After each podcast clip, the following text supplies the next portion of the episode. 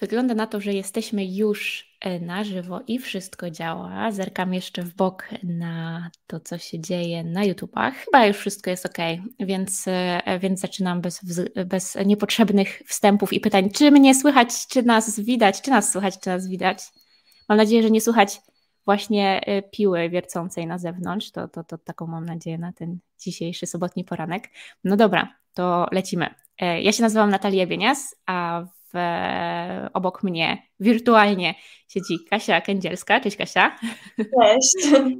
I dzisiaj sobie trochę pogadamy, a właściwie to Kasia, ty pogadasz pewnie, bo ja cię będę podpytywać o różne rzeczy związane z, no właśnie, ze studiowaniem, e, z tym, skąd takie decyzje, bo tych studiów tam trochę już e, na swoim koncie masz, e, o pracy zawodowej i o tym, jak tam się te niektóre studenckie rzeczy przekładają na tą pracę.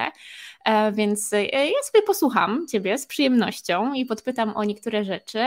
Przypominam też, że jesteśmy na spotkaniu na żywo, więc jeżeli ktokolwiek nas dzisiaj ogląda lub się przysłuchuje, może zadawać, zadawać pytania. Te, te, te pytania będzie można również zadawać później w komentarzach pod tym tym filmem. Myślę, że będziemy starać się raz na jakiś czas zerkać i jeżeli będziecie mieć jakieś pytania do Kasi, to możecie je zadawać oczywiście w komentarzach, ale możecie również Kasię znaleźć na LinkedInie lub na Instagramie. W opisie tego filmu znajdują się linki, gdzie do Kasi możecie trafić. Jeżeli będziecie mieć jakieś pytania związane z tematem, o którym dzisiaj rozmawiamy, no to myślę, że Kasia jest otwarta na to, żeby na te pytania odpowiadać. No właśnie, e, Kasia, e, Zacznijmy może od początku, bo Pracowałyśmy razem, to tak e, e, long story short. Pracowałyśmy razem w Mobidiku. E, pracowałaś tam jako junior UX researcher, dobrze pamiętam? Takie było Twoje stanowisko. Wcześniej też już miałaś jakieś doświadczenia zawodowe związane z UX-em, coś tam sobie studiowałaś.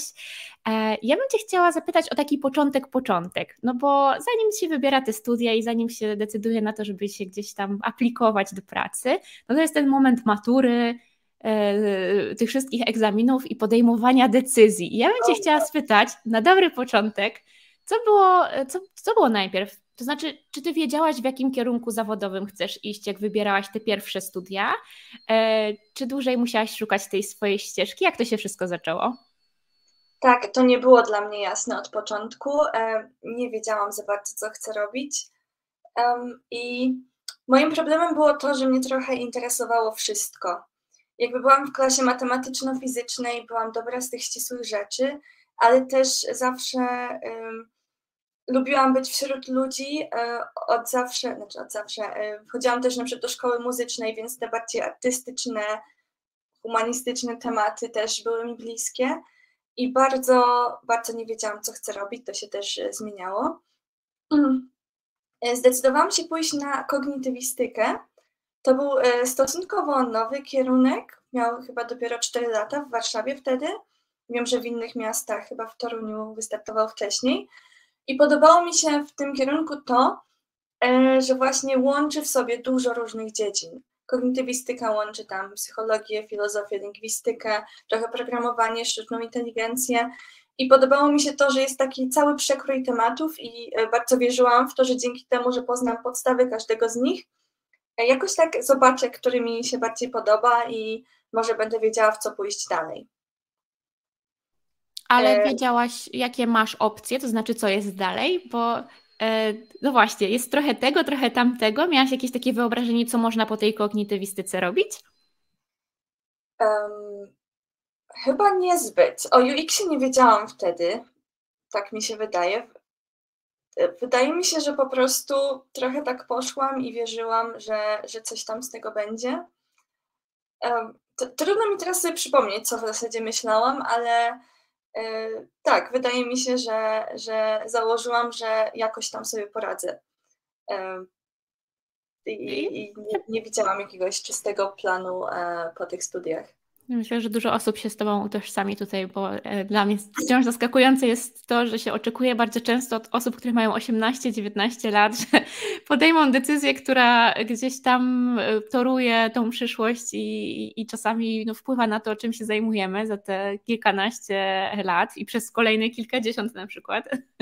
Więc e, to, że, że, że się nie ma na przykład pojęcia, co się w sumie będzie robić później i, i takie decydowanie o, o studiach, które nas po prostu interesują, wydaje wydaje mi się całkiem naturalne. E, no dobra, ale no poszłaś na te studia. Ja jeszcze trochę o tej kognitywistyce bym chciała pogadać, bo to jest taki e, to jest taki kierunek, który właśnie często przy tym UX się podaje, że jeżeli ktoś pyta, to jaki kierunek powinnam skończyć, jeżeli już idę na te studia, to kognitywistyka często wypada wśród, wśród tych e, podrzucanych, proponowanych. Czy ty miałaś jakieś oczekiwania wobec tych studiów, jak one będą wyglądać i one się później zderzyły jakoś z tą rzeczywistością? Jak to wyglądało? Jesteś ostatecznie zadowolona w ogóle, że takie studia e, wybrałaś?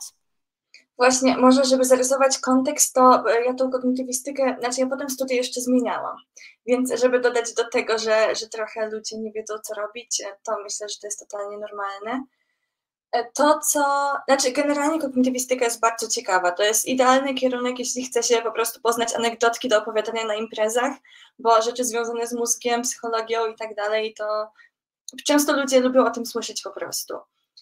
To, co mi się nie podobało, to to, że. Znaczy, nie podobało. Kierunek był dosyć łatwy.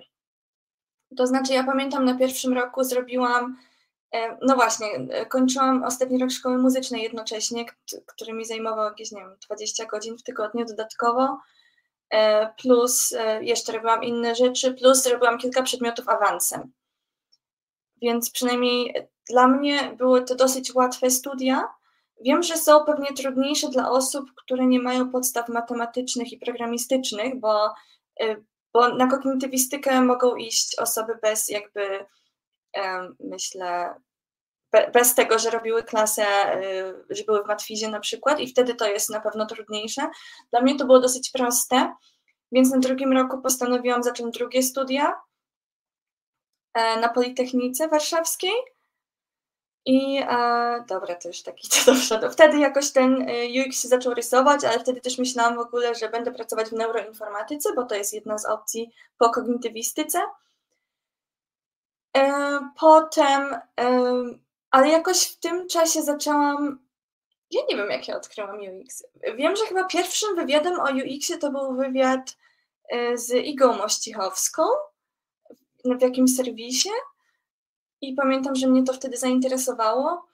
I potem znalazłam też e, jakieś meetupy. Pamiętam, że w którymś momencie na kognitywistyce też zaoferowali jak to się mówi, przedmiot do wyboru, wprowadzenie do user experience e, i też na niego poszłam. I wtedy jakoś to się zaczęło klarować i w którymś momencie doszłam do wniosku, że to mnie interesuje bardziej niż e, tam e, kabelki i rzeczy, które studiowałam na Politechnice. Więc rzuciłam Politechnikę i jakby zaczęłam studiować tylko kognitywistykę, ale ponieważ nadal była dosyć łatwa, to y, przeszłam na tak zwane międzywydziałowe studia indywidualne matematyczno-przyrodnicze, żeby móc dobierać sobie dodatkowe przedmioty, dzięki czemu miałam szerszy ogląd sytuacji y, i ten, ten kierunek ostatecznie skończyłam. Czyli moja historia nie jest taka łatwa i prosta, dużo w niej zmieniałam, dużo w niej szukałam, ale też wydaje mi się, że wyszło mi to na dobre, więc chciałabym y, pokazać w ten sposób, że jeśli ktoś szuka, rezygnuje ze studiów albo zmienia studia, E, o ile to nie jest. Oczywiście zawsze trzeba szukać tego balansu. To znaczy, nie warto od razu rzucać wszystkiego, jak tylko najmniejsza rzecz nam się nie podoba, ale jeśli to jest przemyślane i, i mamy te plusy i minusy i, i, czujemy, że coś nam nie odpowiada, to y, uważam, że warto zmieniać y, rzeczy. No tutaj e, wydaje mi się, że też chyba dużo dała Ci ta możliwość zmian, to znaczy uczelnia Ci chyba dawała tą możliwość, tak? Że, że miałaś po prostu w perspektywie, że możesz coś sobie wymienić, zmienić, przejść. Pewnie nie wszystkie uczelnie na to pozwalają i nie wszystkie kierunki będą tak e, może mm, elastyczne pod tym kątem, ale to miło słyszeć, że próbowałaś, testowałaś i ostatecznie wybrałaś coś, co, co faktycznie uznałaś, że sprawia e, Ci przyjemność. Ja widzę, że w międzyczasie dołączyło do nas trochę osób. Przypominam, że jest to spotkanie na żywo, więc jeżeli macie jakieś pytania do Kasi związane ze studiami, e, tymi w Polsce, ale też tymi zagranicznymi, o których zaraz będziemy rozmawiać, to, to śmiało możecie zadawać je na czacie. Będziemy starać się e, je również e, w międzyczasie przeczytać i, i, i również na nie odpowiedzieć. No dobrze, czyli e, udało Ci się skończyć, skończyć te studia, które ostatecznie uznałaś, że to jest to, to jest ten kierunek, który Cię interesuje. E, widziałam w Twoim doświadczeniu, że miałaś jakieś e, staże, zresztą bardzo ciekawe, e, mhm. miałaś już jakieś pierwsze oferty, dostałaś pracę. No i przejdźmy do tego momentu, który ja znam, bo spotkałyśmy się w, w jednej firmie. Dostałaś pracę w firmie o kierunku UX-owym, czyli teoretycznie coś, co tutaj mocno Cię interesuje i, i, i w kierunku, w którym się chcesz rozwijać. Mam nadzieję cały czas, że nie słuchać tego wiercenia i piłowania za oknem, e, ale był ten moment, kiedy stwierdziłaś, że okej, okay, to teraz czas na kolejne studia. I chciałabym Cię o to podpytać, jakby co sprawiło, że mając już dobre studia skończone w Polsce, mając już jakieś doświadczenie zawodowe, staże, coś, co, rob, co jest dosyć takie imponujące jak na Twój wiek też e, w, w CV, w portfolio, że stwierdziłaś, że e, to teraz czas na kolejne studia, czas zostawić tą robotę i, e, i, i lecimy dalej. Z czego to wynikało? Możesz trochę więcej o tym opowiedzieć? Tak, tak, jasne. Y, tak, było to trochę szalone, jak, jak tak spojrzeć obiektywnie, bo dużo ludzi idzie na studia, żeby znaleźć pracę. Więc jak się tą pracę ma, to już po co studiować dalej. Ja miałam trochę inną perspektywę. Ja bardzo lubię się uczyć i ta zrobienie tej magisterki jakoś mi się działo z tyłu głowy, bo miałam tylko licencjat. Ale to nie wszystko. Powodowało mną też to, że e, ja w, moich, w moim doświadczeniu studenckim nie wyjechałam nigdy na Erasmusa, nie, nie wyjechałam nigdy za granicę, nie żyłam jakby w zagranicznym środowisku, a bardzo wiele słyszałam o tym, że to jest bardzo ciekawe doświadczenie, bardzo budujące i chciałam tego doświadczyć. Um, I kolejna rzecz, no bo to był ten mój dylemat. Czy właśnie, no mam już ten początek kariery, mogę go rozwijać, a mogę z drugiej strony go zastopować i iść na coś mniej praktycznego, czyli studia i, i jakby czy nie będę potem żałować, czy to nie będzie tak, że, że nie będę mogła znaleźć pracy, że w tym czasie podczas tych dwóch lat dużo nowych osób się wyszkoli na tych juniorów, będzie, będzie dużo więcej ludzi chętnych na stanowiska. No i tak w istocie jest. No więc był ten dylemat, czy, czy warto iść na te studia i iść za tym marzeniem, e, żeby trochę jeszcze tego studenckiego życia zażyć i e, pomieszkać za granicą, czy jednak zostać. To, co mi pomogło w wyborze jednak studiów, to przede wszystkim um, takie szersze spojrzenie na życie. To znaczy, zaczęłam się zastanawiać właśnie, co ja chcę robić w życiu, gdzie się widzę za kilka lat. Na bardzo wiele z tych pytań odpowiedź brzmiała po prostu nie wiem. E, ale to, co mnie uderzyło, to to, że pracujemy w naszym życiu jakieś, nie wiem, czekam jeszcze 40 lat pracy w życiu to jest bardzo dużo. To jest dużo więcej niż ja żyję na ten moment. I jakby y, sam ten fakt, że, że tyle co żyję, będę jeszcze pracować i dłużej, sprawia, że, że mam poczucie, że poza pracą warto zrobić też coś jeszcze. I um, wydaje mi się, że właśnie ta możliwość studiów za granicą, jako takie doświadczenie życiowe, budujące, sprawiające, że poznam różne kultury, że przełamię się, żeby właśnie wyjechać z Polski, załatwić sobie sama mieszkanie, załatwić y, jak tam mi się będzie żyło. To jest takie doświadczenie życiowe bardzo, bardzo cenne, pozwoli mi też się otworzyć na nowe rynki, o czym potem. I doszłam do wniosku, że może, że uważam, że warto poświęcić dwa lata na to, żeby zdobyć takie doświadczenie, a potem y, ja wierzę, że i tak będę pracować dużo, że, że te dwa lata jakby przerwy, która nie była do końca przerwą, bo też pracowałam w tym czasie, myślę, że dadzą mi na tyle wartościowe doświadczenie życiowe, e, że to będzie tego warte. Ale jeszcze oczywiście to nie było takie proste. Miałam duży dylemat. Pamiętam, że poszłam też e, na konsultacje z mentorkami. Była taka konferencja Elementarz UX i tam można było się skonsultować z mentorkami. Poszłam na konsultację z trzema mentorkami UX researcherkami. E, czy, czy ja dobrze myślę, czy powinnam tu zostać i trzymać się tej polskiej branży, czy iść na te studia? Wszystkie trzy powiedziały mi, żeby wyjechać.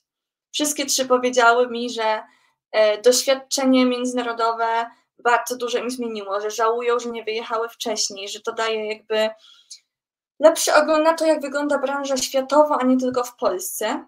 I jedna mentorka powiedziała mi coś, co, co też bardzo mnie przekonało. To jest to, że w zależności od kraju różne branże UX-owo jakby jest, są, różne branże są rozwijane. I na przykład na ten czas, czyli te dwa lata temu, mentorka mi powiedziała, że w Polsce głównie UX-owców szukają firmy bankowe, ubezpieczeniowe, związane z telekomunikacją. Um, I tak, jeśli mnie te tematy jarają, no to warto zostać w Polsce i tu być. Ale jeśli chcę pracować w UX, nie wiem, w edukacji, w rozrywce, e, w healthcare, przepraszam, w, w usługach zdrowotnych, w jakichś innych e, branżach, to może warto wyjrzeć za granicę, bo tam to jest bardziej rozwinięte. I to też mnie bardziej przekonało, bo ja jestem bardziej e, w stronę nie finanse ubezpieczenia, bardziej w stronę edukacja, właśnie usługi zdrowotne i może też rozrywka. Więc e, postanowiłam zobaczyć, e, jak to wygląda, tak, jak to wygląda za granicą. Więc e, te konsultacje pomogły mi upewnić się, czy to dobry wybór, ale faktycznie fakt, że doświadczone badaczki powiedziały mi, że warto wyjechać,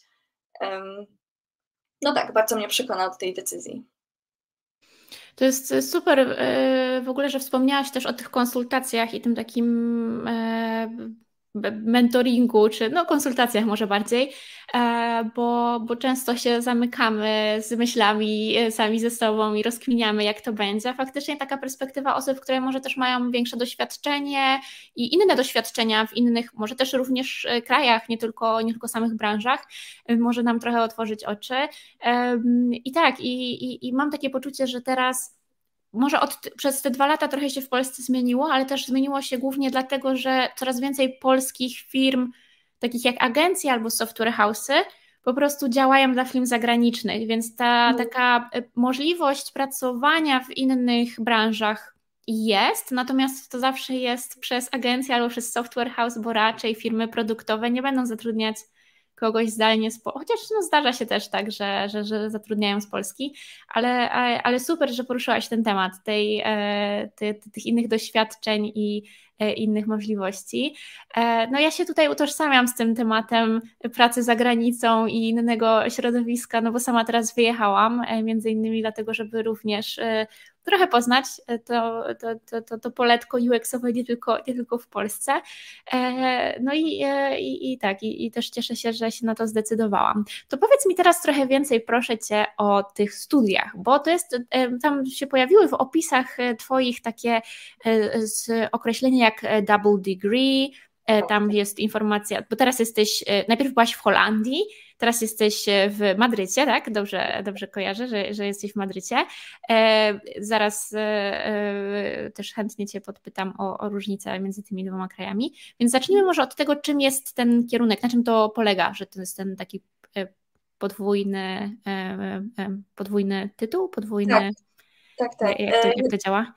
Już wyjaśniam, jest to dosyć skomplikowane. Dużo sformułowań nie jest przetłumaczonych na polski dobrze, więc y, będę próbowała jakoś to wyjaśnić. Tak, generalnie idea double degree, czyli właśnie podwójnego stopnia studiów, polega na tym, że jest się y, studentem, studentką jednocześnie na dwóch uczelniach y, i potem dostaje się dyplom z obu uczelni i potem jest się absolwentem po prostu obu uczelni.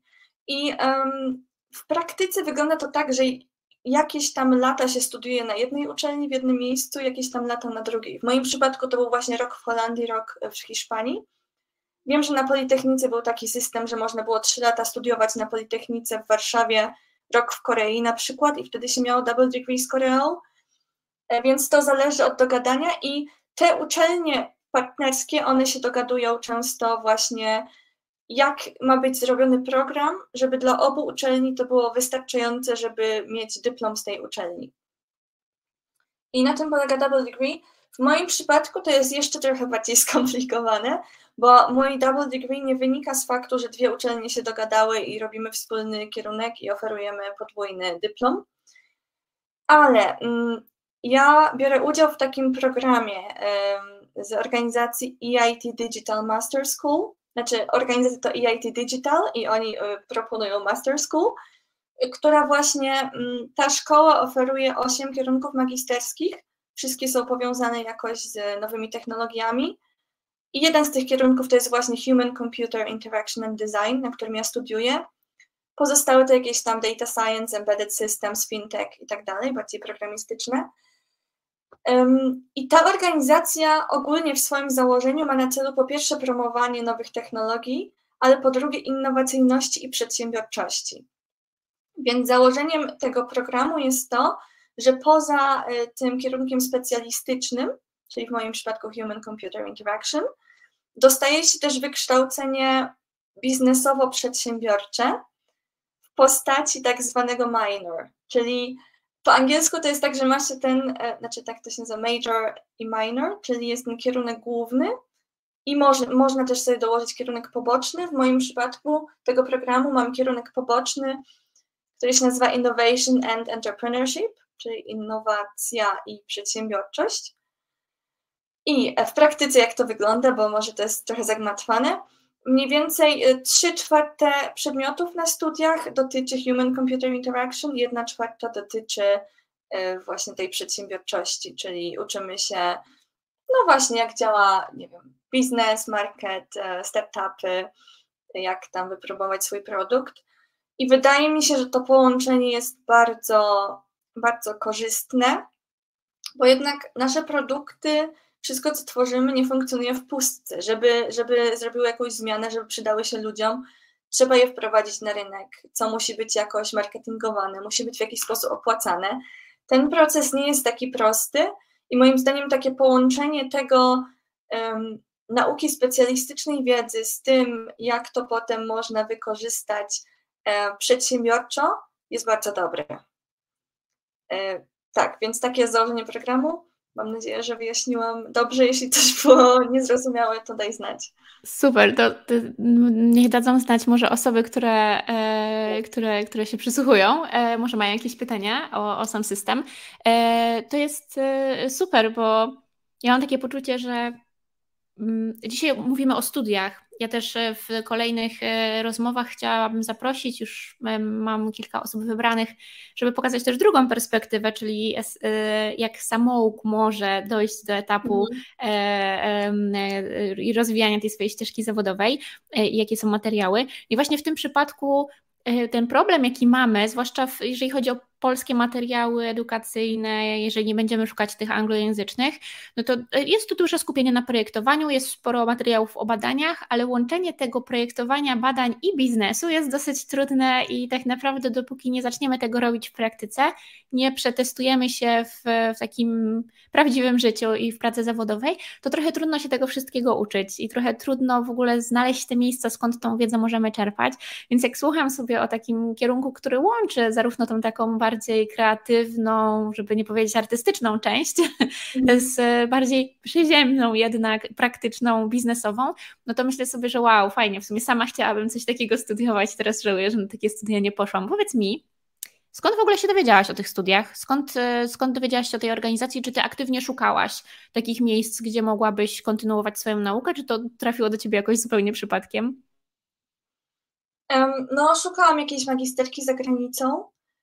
I moim problemem było to, że ja z tego co pamiętam, to magisterki dotyczące UX-a były albo bardzo programistyczne, czyli trzeba było skończyć computer science, żeby na nie iść, a ja nie skończyłam computer science, albo były bardzo artystyczne, były na artystycznych uczelniach i też trzeba było skończyć jakieś artystyczne rzeczy. I tu widziałam tą rozbieżność, że nie było czegoś pomiędzy, czegoś dla mnie, a ten program on zakłada, że y, kandydaci są po computer science, ale nie trzeba skończyć tego kierunku, wystarczy mieć kilka przedmiotów z programowania, żeby się tam dostać, a ja je miałam.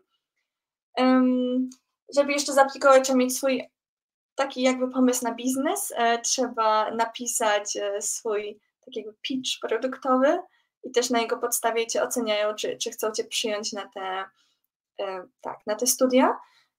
Więc tak, ja zrobiłam sobie całą listę różnych studiów. Jest, są jakieś strony porównujące magisterki w Europie i w Stanach i na świecie generalnie UX-owe i przejrzałam je wszystkie i ten kierunek mi się właśnie spodobał, bo wydawał mi się taki pomiędzy perspektywą artystyczną i programistyczną, co, co bardzo odpowiadało temu, co ja umiałam i temu, w co też chciałam iść. Ale i to była odpowiedź na Twoje pytanie, ale chciałam jeszcze dodać do tego, co powiedziałaś wcześniej, że, um, że perspektywa biznesu jest ważna i że trudno jej uczyć.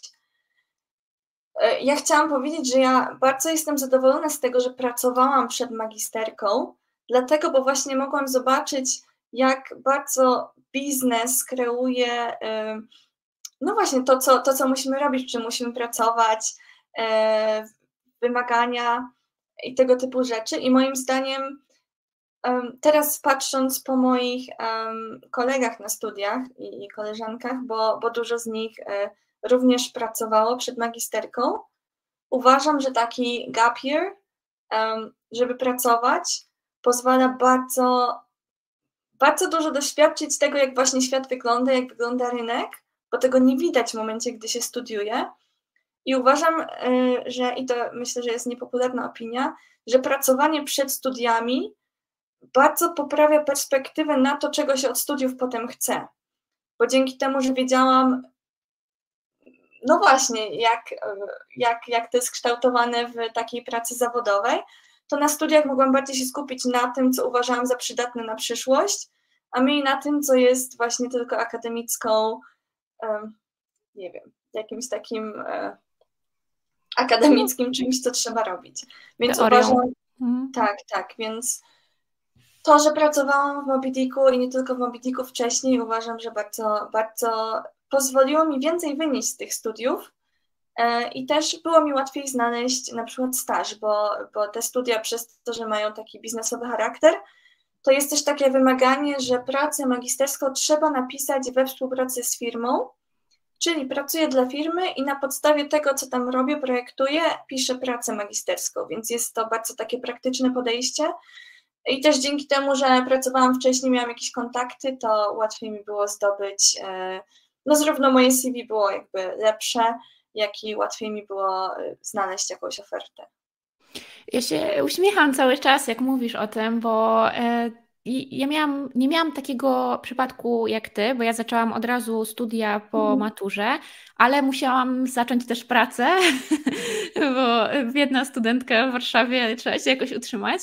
E, e, traf chciał, że udało mi się znaleźć w, w agencji reklamowej pracę i pamiętam, jakie to było takie odkrywcze doświadczenie, że na tym drugim roku, jak zaczęłam pracować w agencji, to nagle się okazało, że te rzeczy, które, których uczymy się w teorii, które naprawdę świetnie brzmią i fajnie się nad nimi pracuje, a ta rzeczywistość, która jest później e, w e, praktycznej E, w, w, w praktycznej pracy, to są takie trochę dwa różne światy, tak. bo z jednej strony na uczelni mamy cały semestr, żeby zrealizować projekt na przykład logotypu albo jakiejś, nie wiem, identyfikacji wizualnej albo strony internetowej, a później przychodzimy do agencji reklamowej i się okazuje, że na zrobienie tej samej pracy mamy na przykład trzy tygodnie, a nie te sześć miesięcy, więc nagle jest taki, takie zderzenie z rzeczywistością, że kurczę, no dobra, ale nikt mnie nie uczył, jak robić to szybciej. Ja umiem to robić powoli i jak mam dużo czasu, ale nikt nie nauczył mnie tej takiej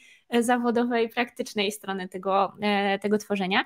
Więc ta praca i uczenie się od praktyków i zderzanie to z tą teorią i faktycznie wyciąganie tych fajnych rzeczy, które wtedy uznawałam za ciekawe i takie wzbogacające moją pracę zawodową, to było bardzo dobre połączenie e, i mimo, że było wymagające czasowo i, i dużo się poświęca przez to, no bo jednak trzeba i pracę, i studia jakoś pogodzić, to mam poczucie, że to doświadczenie dało mi najwięcej z tego, z tego okresu studiowania, łączenia, łączenia tych, tych, tych dwóch stron, więc e, ta perspektywa tego gap year, tego roku przerwy e, jest dosyć popularna za granicą. Mam wrażenie, że w Polsce nie jest jeszcze tak popularna, jak często mówi się o tym e, w, w innych krajach, chociażby europejskich, a, a tak jak mówisz, no to jest zupełnie inna perspektywa i może też trochę takie nauczenie się, czego my właściwie potrzebujemy od tych studiów, skoro już na nie na nie idziemy.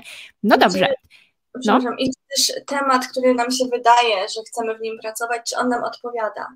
Spotkałam się często z tym też, że ludzie na przykład po licencjacie stwierdzili, że w zasadzie to nie lubią tego, co robili. I co teraz? Czy mają zacząć nowy licencjat, czy po prostu iść do pracy i, i forsować swoją drogę? E, I, I to jest trudna sytuacja i myślę, że taki rok na weryfikację tego, co się chce i czy nam się podoba to, co myślimy, że się podoba, bardzo dużo daje. Super, to, e, to, to, to myślę, że do, do zanotowania. E, A, Chociaż też myślę, że wiesz co, tak sobie teraz myślę, bo to, to było to takie pytanie do, do ciebie moje, bardzo duże, hmm. ważne, że e, i trochę na nie już odpowiedziałaś, że jak już się zacznie pracę, już się zaczyna gdzieś tam, u, zaczynasz sobie już układać to życie w pracy i już no. wiesz, jak zaczyna coś funkcjonować. I teraz przerwanie tego i powrócenie na studia to jest taki dosyć duży krok, mam wrażenie. Ty mówisz, że lubisz po prostu się uczyć i miałaś tą potrzebę uczenia się, więc e, u ciebie to był pewnie główny motywator. Myślę, że nie każdy taki motywator u siebie, e, u siebie znajdzie. Przerwałam ci, przepraszam, e, kontynuuj. Tak, Zgodzę się, że, że jakby to, to nie zadziała dla każdego i że musimy, musimy jakby działać według naszych preferencji.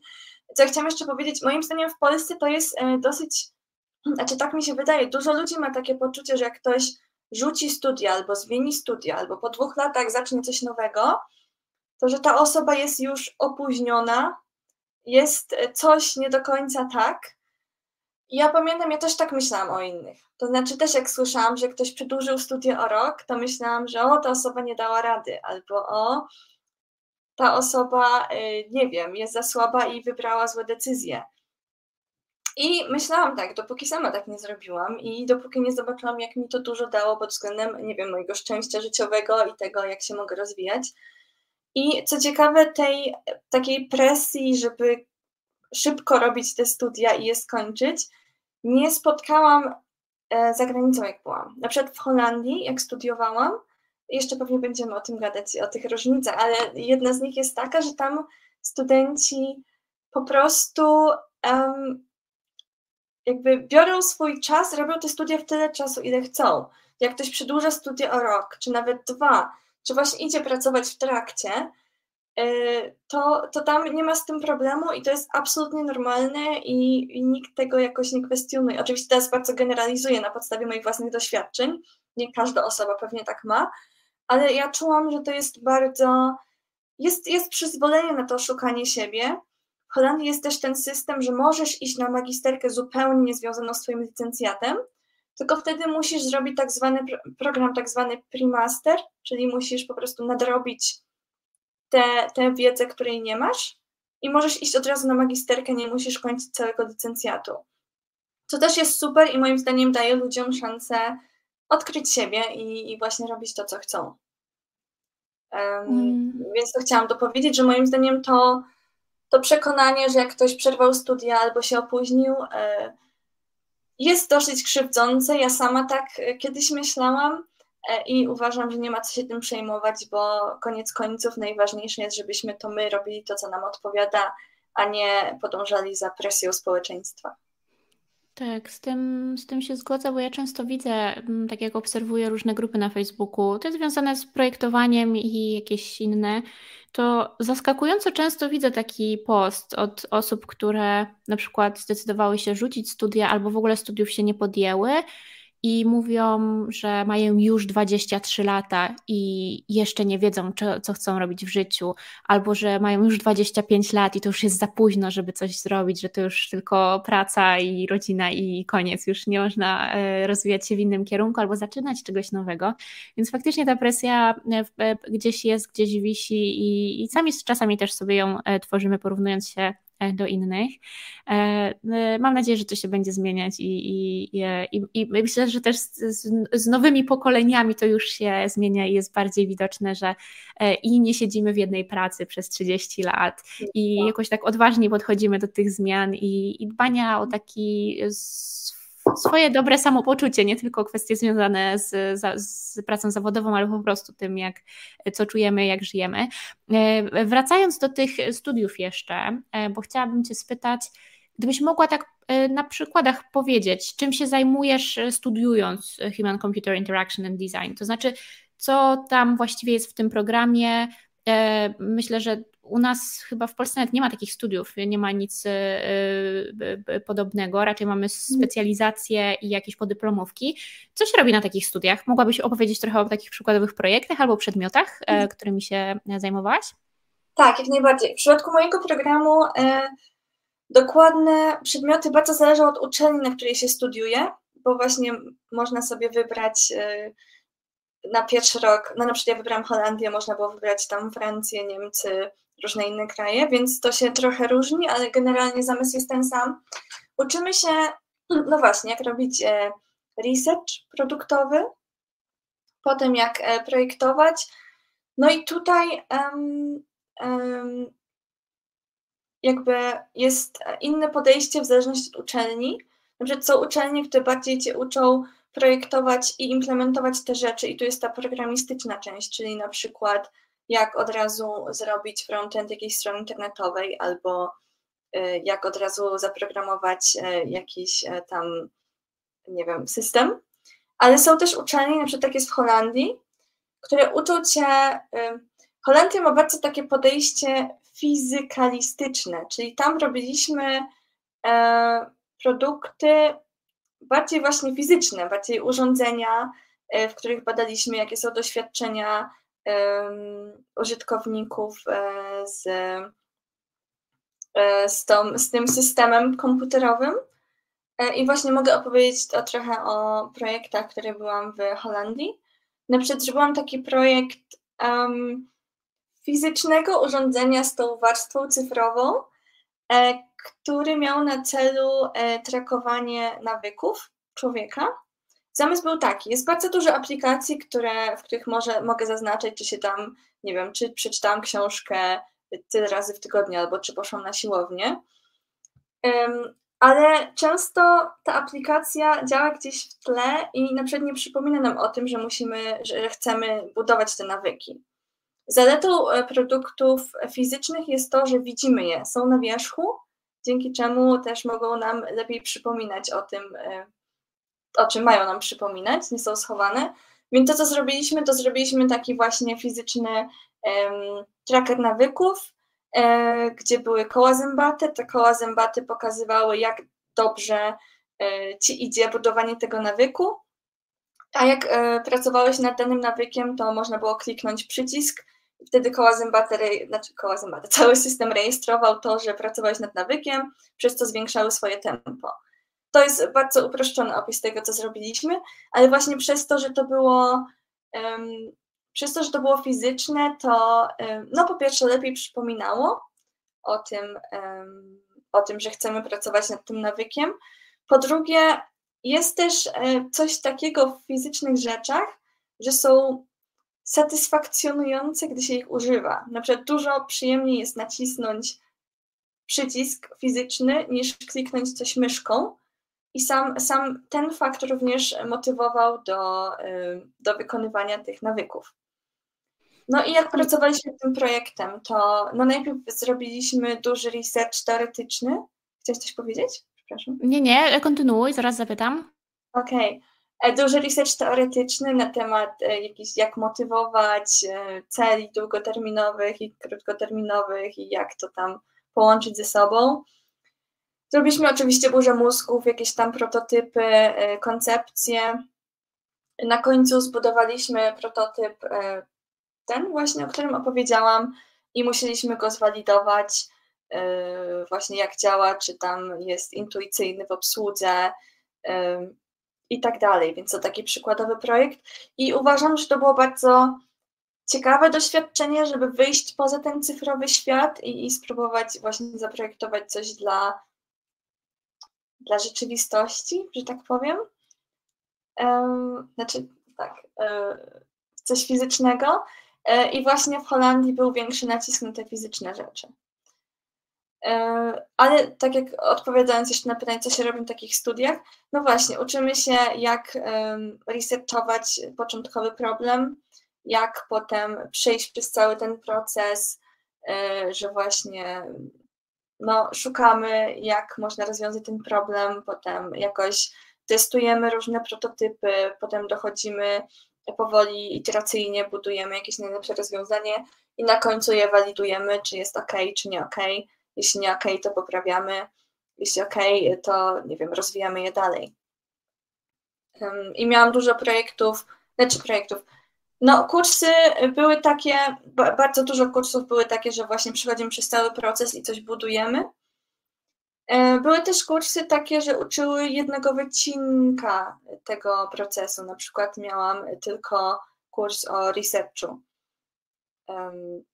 który właśnie uczył nas, jak tam zadawać pytania i tak dalej. E, więc i, i tak to było w Holandii na pierwszym roku.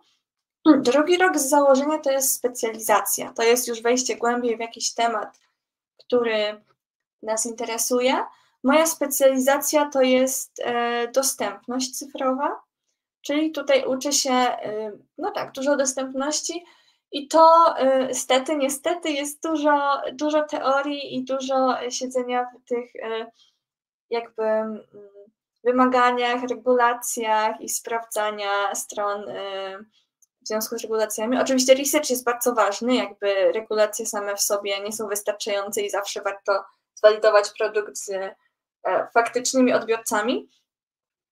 E, no ale na zajęciach uczą nas e, póki co przede wszystkim właśnie tego, jak dobrze weryfikować jakieś założenie dostępności, więc jest to no tak, no taka specjalizacja. Więc tak to wygląda. Na, na różnych uniwersytetach na drugim roku są inne specjalizacje. Przykładowo jest chyba jakaś związana bardziej z UI-em, jest jakaś związana bardziej z rozwiązaniami mobilnymi, E, jest um, coś z computational interfaces, um, czyli jakieś takie projektowanie, jak projektować z użyciem jakichś takich inteligentnych systemów. Więc e, tak, więc tu jest bardzo duża rozbieżność i, i to zależy, co kto wybrał. Mhm. A bo e, mówiłaś dużo o tym, że zrobiliście, zrobiliśmy. Czy takie studia są bardziej nastawione na tą pracę grupową, czy masz jednak takie zajęcia, gdzie ta praca indywidualna jest ważniejsza i sama realizujesz na przykład jakiś projekt?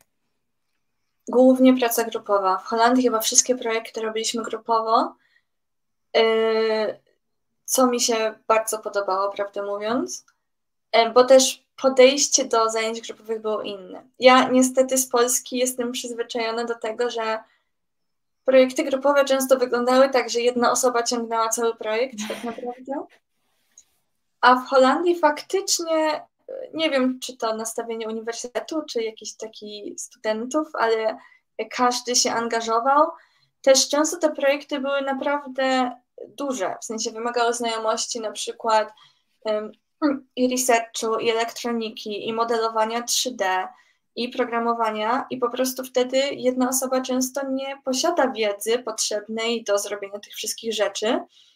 I e, jesteśmy dobierani w zespoły z odpowiednimi jakby umiejętnościami, e, po to, żeby, żeby każdy z nas mógł zrobić to, co, to, co potrafi, i e, żeby wspólnie razem w takim, różnorodnym zespole zrobić coś lepszego, niż bylibyśmy w stanie zrobić sami. To, to mi się też bardzo podoba, że dzięki, dzięki tym projektom mogłam zobaczyć, jak bardzo ważna jest współpraca, że, że i że często ja lubię być takim um, samodzielnym bytem, często lubię robić sama rzeczy i uczyć się wszystkiego, ale wiedzy jest za dużo. Człowiek nie jest w stanie nauczyć się wszystkiego i być e, świetnym we wszystkim. E, I te projekty pokazały mi, jak, jak fajnie jest móc też zaufać innym, jak dobrze ta współpraca działa, gdy się weźmie ludzi z różnymi umiejętnościami i że wtedy można zrobić coś naprawdę fajniejszego niż, niż jest się w stanie samemu. To ja Cię od razu podpytam dalej, o, bo już trochę o tym, e, o to zahaczyłaś. E, jakie widzisz różnice między studiowaniem w Polsce a za granicą? Ja wiem, że to są trochę dwa różne kierunki, więc e, tak. trudno pewnie porównywać tak pod kątem, nie wiem, może programu i zakresu działań, ale sama widzisz, widzisz pewne różnice. Czy tych różnic jest więcej w tym studiowaniu w Polsce a za granicą? Może coś Cię wyjątkowo zaskoczyło? Um, tak, to zagranice są różne, w sensie w różnych krajach to wygląda inaczej. Jestem w stanie się wypowiedzieć o Holandii głównie i Hiszpanii w tym momencie.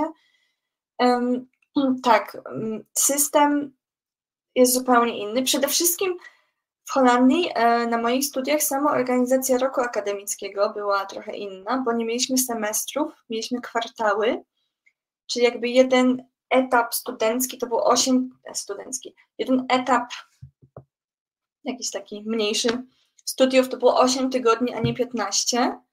W związku z tym szybko wszystko musiało być robione dużo szybciej, dużo bardziej intensywnie, e, ale też miało się wtedy mniej przedmiotów. I mi, e, mi się ten system dużo bardziej podobał, bo w Polsce miałam ten problem, że czasem miałam, nie wiem, uczyłam się 8 przedmiotów w jednym semestrze i po prostu zmienianie wiedzy, tego czego się uczysz, 8 razy co tydzień było bardzo takie, nie wiem, ciężkie i moim zdaniem lepszym systemem jest uczenia się mniej, e, mniej przedmiotów bardziej intensywnie niż więcej przedmiotów, ale po troszeczku. Jakby więcej wtedy pamiętam, bardziej mogę się zaangażować w te przedmioty. E, to jest e, jedna różnica. Druga różnica była taka, że w Polsce bardzo te studia mi się wydały teoretyczne. Mimo, że mieliśmy jakieś tam niby projekty, to te projekty to zwykle było napisanie eseju albo, no nie wiem, e, też sprawdzanie wiedzy polegało często na robieniu quizów i egzaminów. W Holandii to było bardzo takie podejście z rękami na wierzchu, czyli po prostu idziemy i robimy. I na początku nie czułam się z tym komfortowo nawet, bo, bo, jestem przyzwyczajona do tego, że najpierw mam jakieś wprowadzenie, uczycie mnie teorii, uczycie mnie jak coś zrobić i potem ja próbuję to zrobić.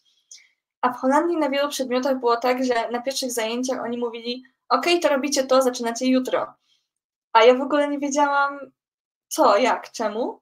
I po prostu uczyliśmy się y, podczas procesu na własnych błędach. Mieliśmy tam, tam bardzo dobrze działa system Bardziej, że, że jest, e, pracuje się praktycznie i ma się kogoś, kto nas mentoruje i, i pomaga w tym procesie, poprawia nasze błędy, niż że najpierw się uczysz teorii, a potem próbujesz robić projekt. I mam takie poczucie, że będąc w Holandii, zrobiłam mnóstwo projektów.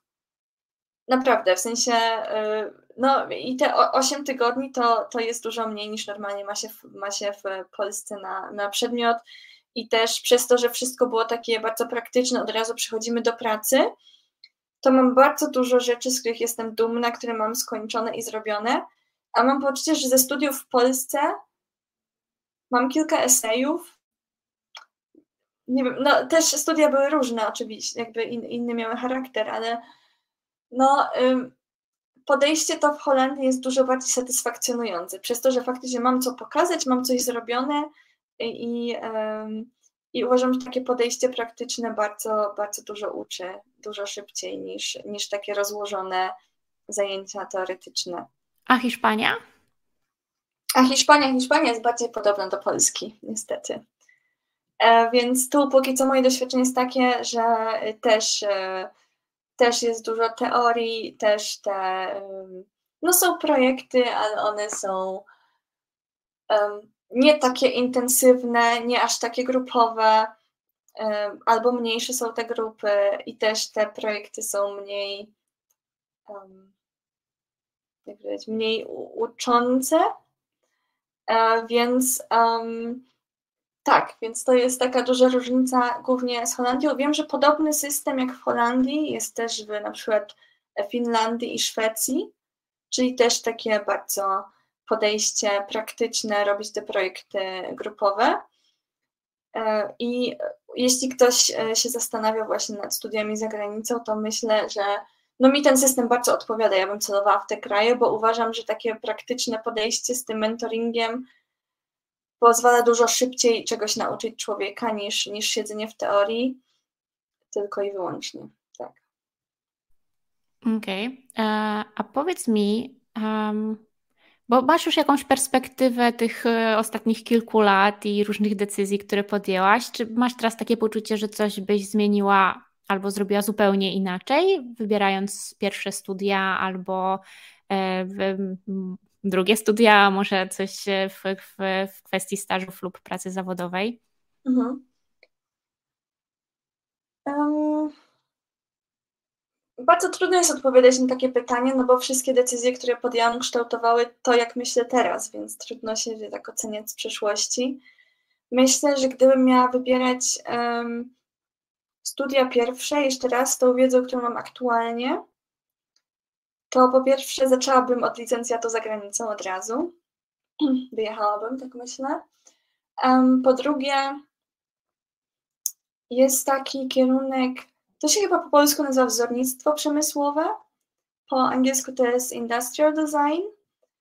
I on właśnie uczy tworzyć przedmioty. I ja nie wiem dokładnie jak on wygląda w Polsce, ale bardzo mi się podobał, jak wygląda właśnie w Holandii, bo, bo współpracowałam z, ze studentami tego kierunku, e, e, jak tam uczą no na przykład właśnie modelowania 3D i, i robienia jakichś takich e, fizycznych produktów, to wydaje mi się, że bardzo dużo z tego można przenieść na UX. a jednocześnie, no ja po prostu podobają mi się te fizyczne rzeczy, więc Wydaje mi się, że ten kierunek bym wybrała, gdybym startowała jeszcze raz.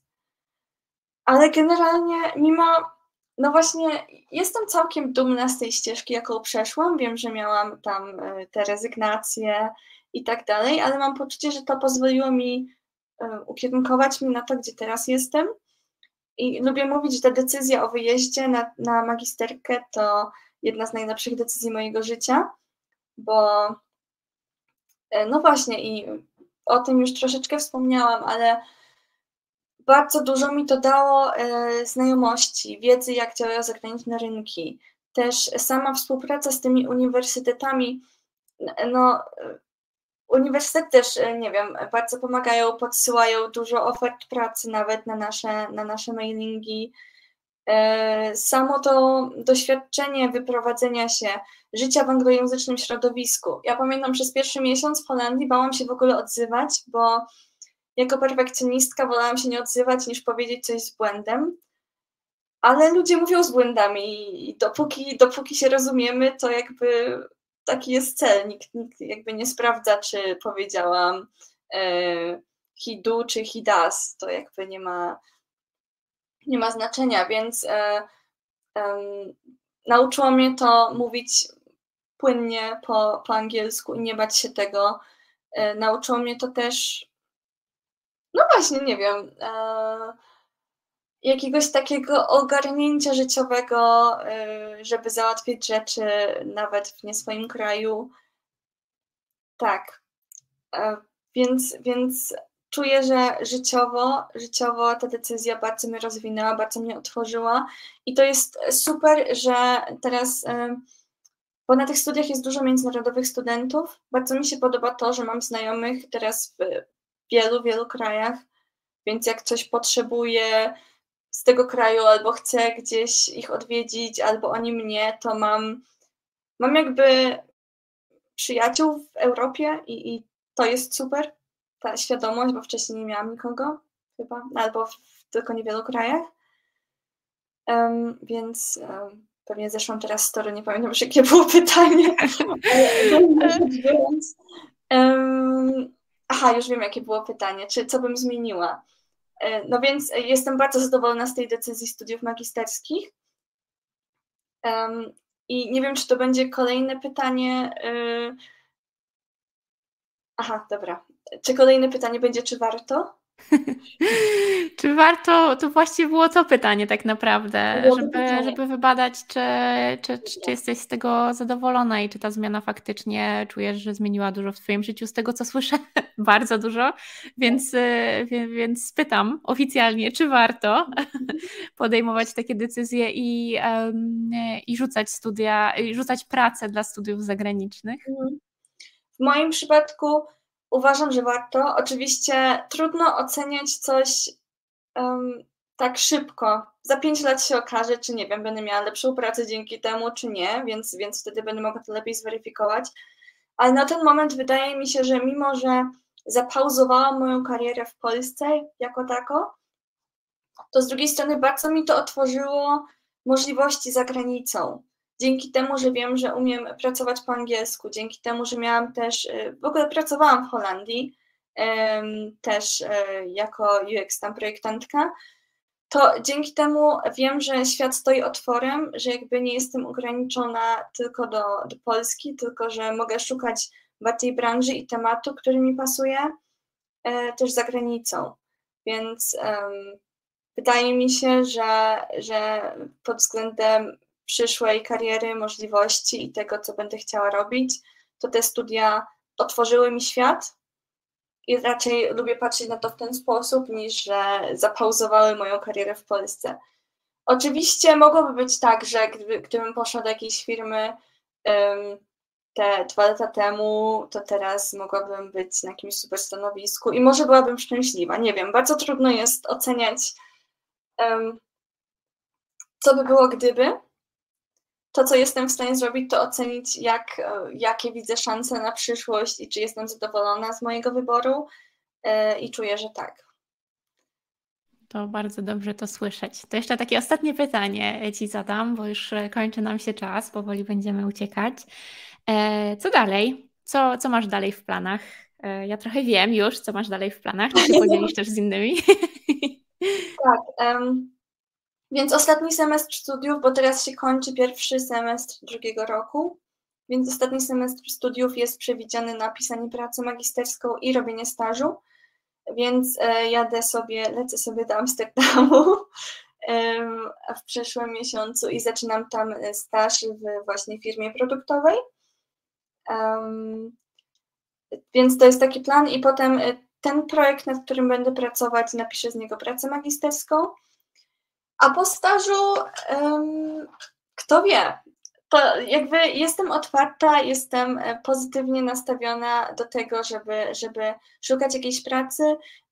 Całe te studia pozwoliły mi właśnie zobaczyć, jakie tematy mnie bardziej interesują, jakie mniej, więc czuję, że jestem bardziej świadoma w kontekście też wybierania tego, gdzie chcę pracować.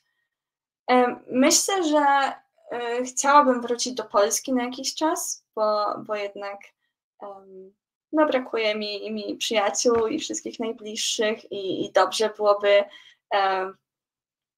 nie wiem, trochę, trochę też może wrócić, żeby się zastanowić, co dalej, ale dzięki tym studiom czuję, że, że świat stoi otworem i że jakbym chciała gdzieś wyjechać, czy znajdę jakąś fajną okazję gdzieś za granicą, to że jestem w stanie po prostu pójść to zrobić i, um, i faktycznie robić coś, co, co, co sprawi mi szczęście w życiu. No to ja trzymam za Ciebie kciuki i mam nadzieję, że świetnie będziesz bawiła się na nadchodzącym stażu. Mam nadzieję, że się spotkamy gdzieś przy okazji w Amsterdamie. Skoro już się okazało, że chyba będziemy sąsiadkami. No tak, i chciałam Ci bardzo, bardzo podziękować. Na pewno dla mnie to była ciekawa perspektywa, żeby, żeby, żeby poznać tę historię osoby, która już pracowała w Polsce i studiowała w Polsce i zdecydowała się jednak na studia zagraniczne. Ja przypominam, że gościła u mnie dzisiaj Kasia Kędzielska, którą możecie znaleźć również na LinkedInie albo na Instagramie. Linki do tych miejsc, w których Kasię znajdziecie, można znaleźć w opisie e, tego filmu. Ja Ci, Kasia, bardzo, bardzo dziękuję jeszcze raz za rozmowę. E, no i życzę Ci e, samych fantastycznych doświadczeń i tego, żebyś nauczyła się jak najwięcej, skoro to jest to, co Cię motywuje i to, co lubisz, to jak najwięcej ciekawych lekcji przed Tobą. Dziękuję. Dziękuję wszystkim, którzy tutaj z nami dzisiaj byli i się nam przysłuchiwali. I do zobaczenia następnym razem gdzieś w internecie. Dzięki, Kasia. Ja dziękuję za zaproszenie i tak, do zobaczenia. W razie jakichś pytań będę odpowiadała w komentarzach, czy tam można mnie łapać na tych socialach. Dzięki piękne i wszystkiego dobrego.